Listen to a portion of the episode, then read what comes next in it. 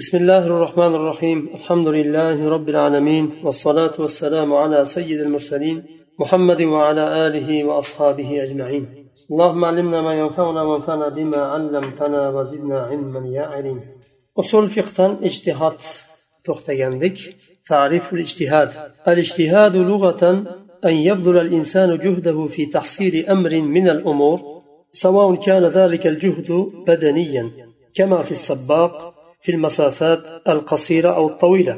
وكما في الزراعة والصناعة أو كان جهدا عقليا كاجتهاد الطالب في الدرس والتحصيل واجتهاد العالم في اختراع آلة معقدة.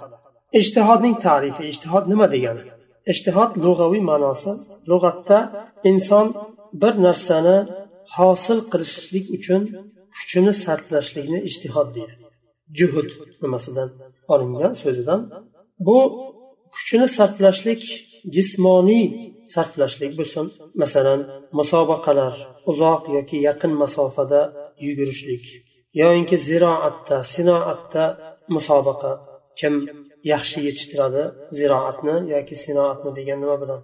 Yoyinki aqliy ijtihod bo'ladi aqliy kuchni sarflaydi. Masalan tolib darsga kuchini sarflaganga o'xshagan birinchi o'rinni olishlik uchun masalan yoyinki bir olim murakkab bir olatni ixtiro qilib chiqqanga o'xshagan kuch sarflab ammo istilah ulama sharia فالاجتهاد بذل العالم المؤهل جهده في استنباط حكم شرعي أما شريعة عالمlarning istilohida ijtihod ijtihodga ahl bo'lgan olim shar'iy hukmni istinbot qilishlik uchun kuchini sarflashligini ijtihod deydi ونذكر في هذا الباب ستة فصول bu bobda biz oltita faslni zikr qilamiz birinchisi ما يدخله الاجتهاد من الأحكام وما لا يدخله birinchisi ijtihod kiradigan ahkomlar va kirmaydigan ijtihodga kiradigan ahkomlar bor va kirmaydigan ahkomlar bor ijtihod qilishlik mumkin emas u o'rinda chunki aniq ochiq bir dalil bo'ladigan bo'lsa dalil bor joyda ijtihod keragi yo'q الثاني الصفات التي لا بد من توافرها في المسلم ليكون مجتهدا فيتمكن من استنباط الأحكام بنفسه من أدلتها وهذه الصفات هي ما يعبر عنه بشروط المجتهد ikkinchisi mushtahid bo'lishlik uchun lozim bo'lgan sifatlar qanday sifatlar jamlanishlik kerakki mushtahidda mushtahid maqomiga chiqishlik uchun va ahkomlarni o'zi dalillardan istinbot qilib chiqarib olib bilsin shu sifatlar bilan va shu sifatlarni yana shurutul mushtahid deb ham nomlanadi mushtahidning shartlari agar shu shartlar jamlanmasa bir mushtahidda demak mujtahid deyilmaydi yoyinki mujtahid mutloq deyilmaydi mujtahid muqayyat bo'lishi mumkin yo muqallid bo'ladi الثالث الأسلوب العملي الذي يتبعه المجتهد لتحصيل الحكم المطلوب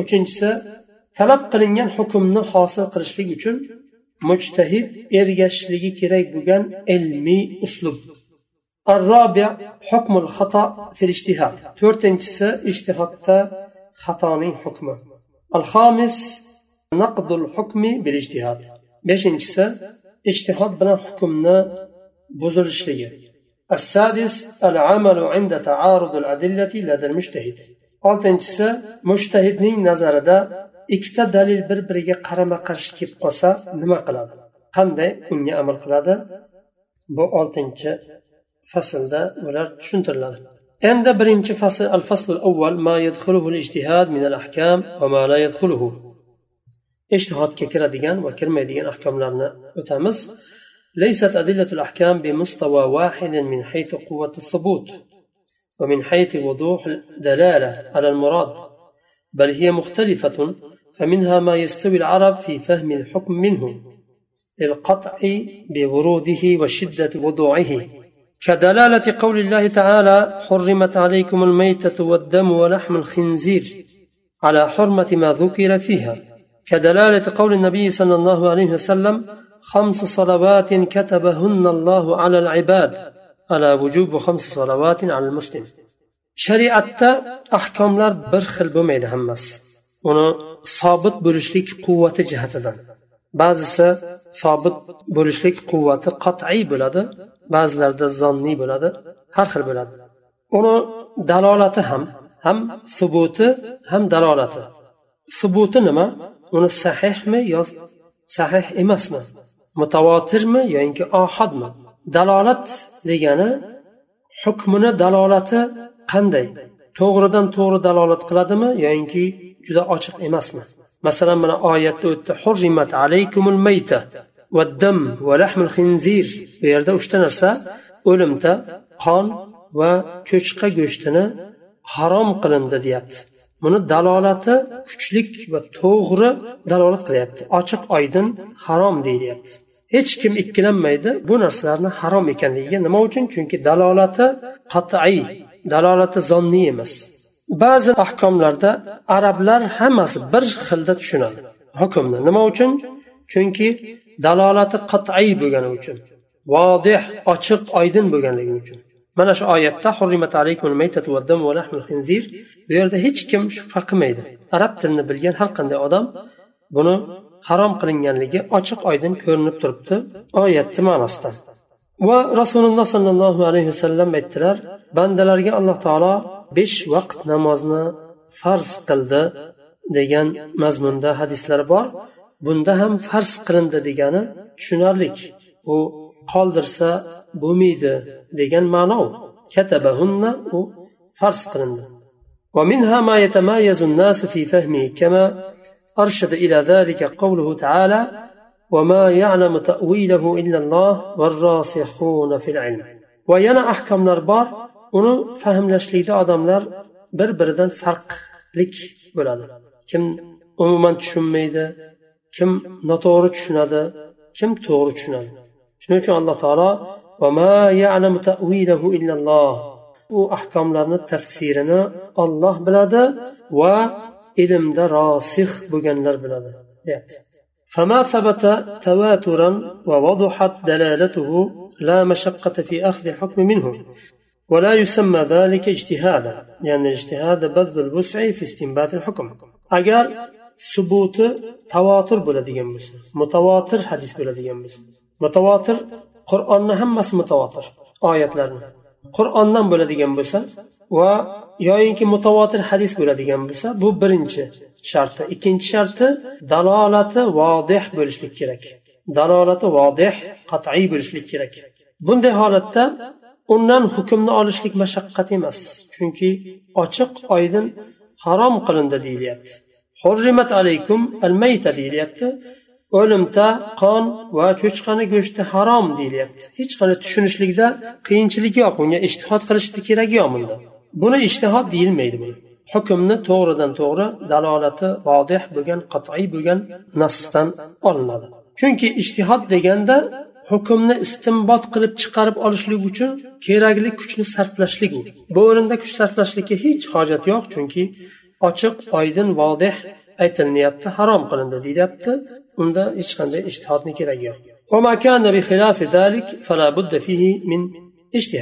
bunday bo'lmasa agar dalolati vodih bo'lmasa qat'iy bo'lmasa zonniy dalolat bo'ladigan bo'lsa u holatda ijtihodga ehtiyoj bo'ladi nima uchun chunki dalolati qat'iy emas vodih emas uni dalolatini ya'ni hukmini chiqarib olishlik uchun unga kuch sarflaydi mushtahid va ishtihod qiladi وبهذا يتبين أن الاجتهاد له مجالان رئيسيان bundan tushuniladiki ijtihodda ikkita asosiy taraf bo'ladi birinchisi al avval إثبات النصوص بالتحقق من ورودها وثبوتها وهذا النوع لا يحتاج إليه بالنسبة للآيات القرآنية لأنها ثابتة بإجماع المسلمين يحتاج إليه بالنسبة للأحاديث النبوية والإجماع. birinchisi naslarni dalillarni tasbit qilishlik bu qat'iymi subuti yoki zonniymi sahihmi yo zaifmi bu narsaga kuchni sarflashlik uni subutini aniqlashlik uchun kuch sarflashlikka qur'onga hech qanday ehtiyoj yo'q. Chunki qur'onni hamma oyatlari qur'onni butun komil holatida mutavotir sobit bo'lgan butun ummatni ijmosi bilan. Rasululloh sollallohu alayhi vasallamning hadislari va ijmo muhtoj bo'ladi. Uni tahaqquq qilishlikka subutini tekshirishlikka. ولإثبات الأحاديث الواردة في المسألة طرق وأصول تقدم بيان كثير من مسائلها في باب السنة النبوية. حديثنا صابت بغنلغنا va uni sanadini sahihmi zaifmi uni tekshirishlik yo'llari va usullari yuqorida o'tdi ko'p masalalari sunnat nabaviy bobida فإذا احتج المجتهد بالحديث فلا بد أن يكون حاكما بصحته أولا. وليس أخذه بحكم أحد أئمة الحديث على الحديث بالصحة أو الحسن أو الضعف اجتهادا بل هو تقليد لذلك الإمام كما لو أخذ بتصحيح البخاري أو مسلم للحديث فاعتقد صحته بناء على ذلك وبنى عليه رأيا اجتهاديا. agar mushtahid bir hadisga ehtiyoji tushadigan bo'lsa uni o'zi hadisni sahih yoinki zaif ekanligini o'zi bilishlik kerak boshqa muhaddis olimlarni so'zlarini olib turib bu masalan buxoriy muslimda kelgan bu sahih hadis deb turib uni ustida ahkomlarini ijtihodini quradigan bo'lsa u holatda ijtihod deyilmaydi u taqlid qilgan bo'ladi o'sha muhaddis imomga فلا يكون العالم مجتهدا مطلقا حتى يكون كل ما يبني عليه رأيه الاجتهادي من الأسس والقواعد والنصوص الظنية صحيحا صادقا في نظره بحسب اجتهاده الخاص مجتهد مجتهد مطلق ديل ميدة صبلان ميدة to o'zi qurgan ishtihod nimasi bilan qurgan asoslari qoidalari bu sahih bir nimani ustiga qurilmaydigan bo'lsa o'zini ishtihodi bilan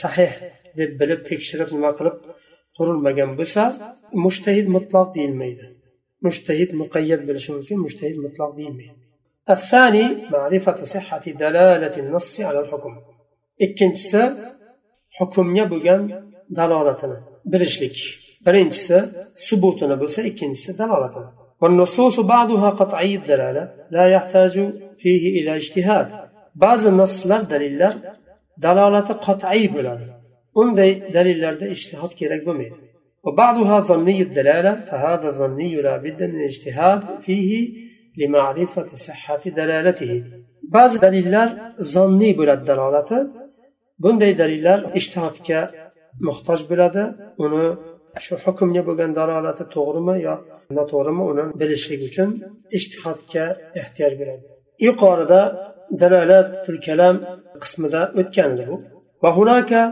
نواح أخرى تحتاج إلى تدخل المجتهد كالتخلص من التعارض إن حصل في نظره بين دليلين وكاستنباط الحكم بنوع من الاستدلال وهو أمر يحتاج إلى مزيد فطنة وذكاء yana boshqa bir taraflar bor mushtahidni aralashishiga ehtiyoj bo'ladigan taraflar ham bor ya'ni mushtahid o'sha o'rinda ijtihod qilishligiga ehtiyoj tug'iladigan taraflar bor.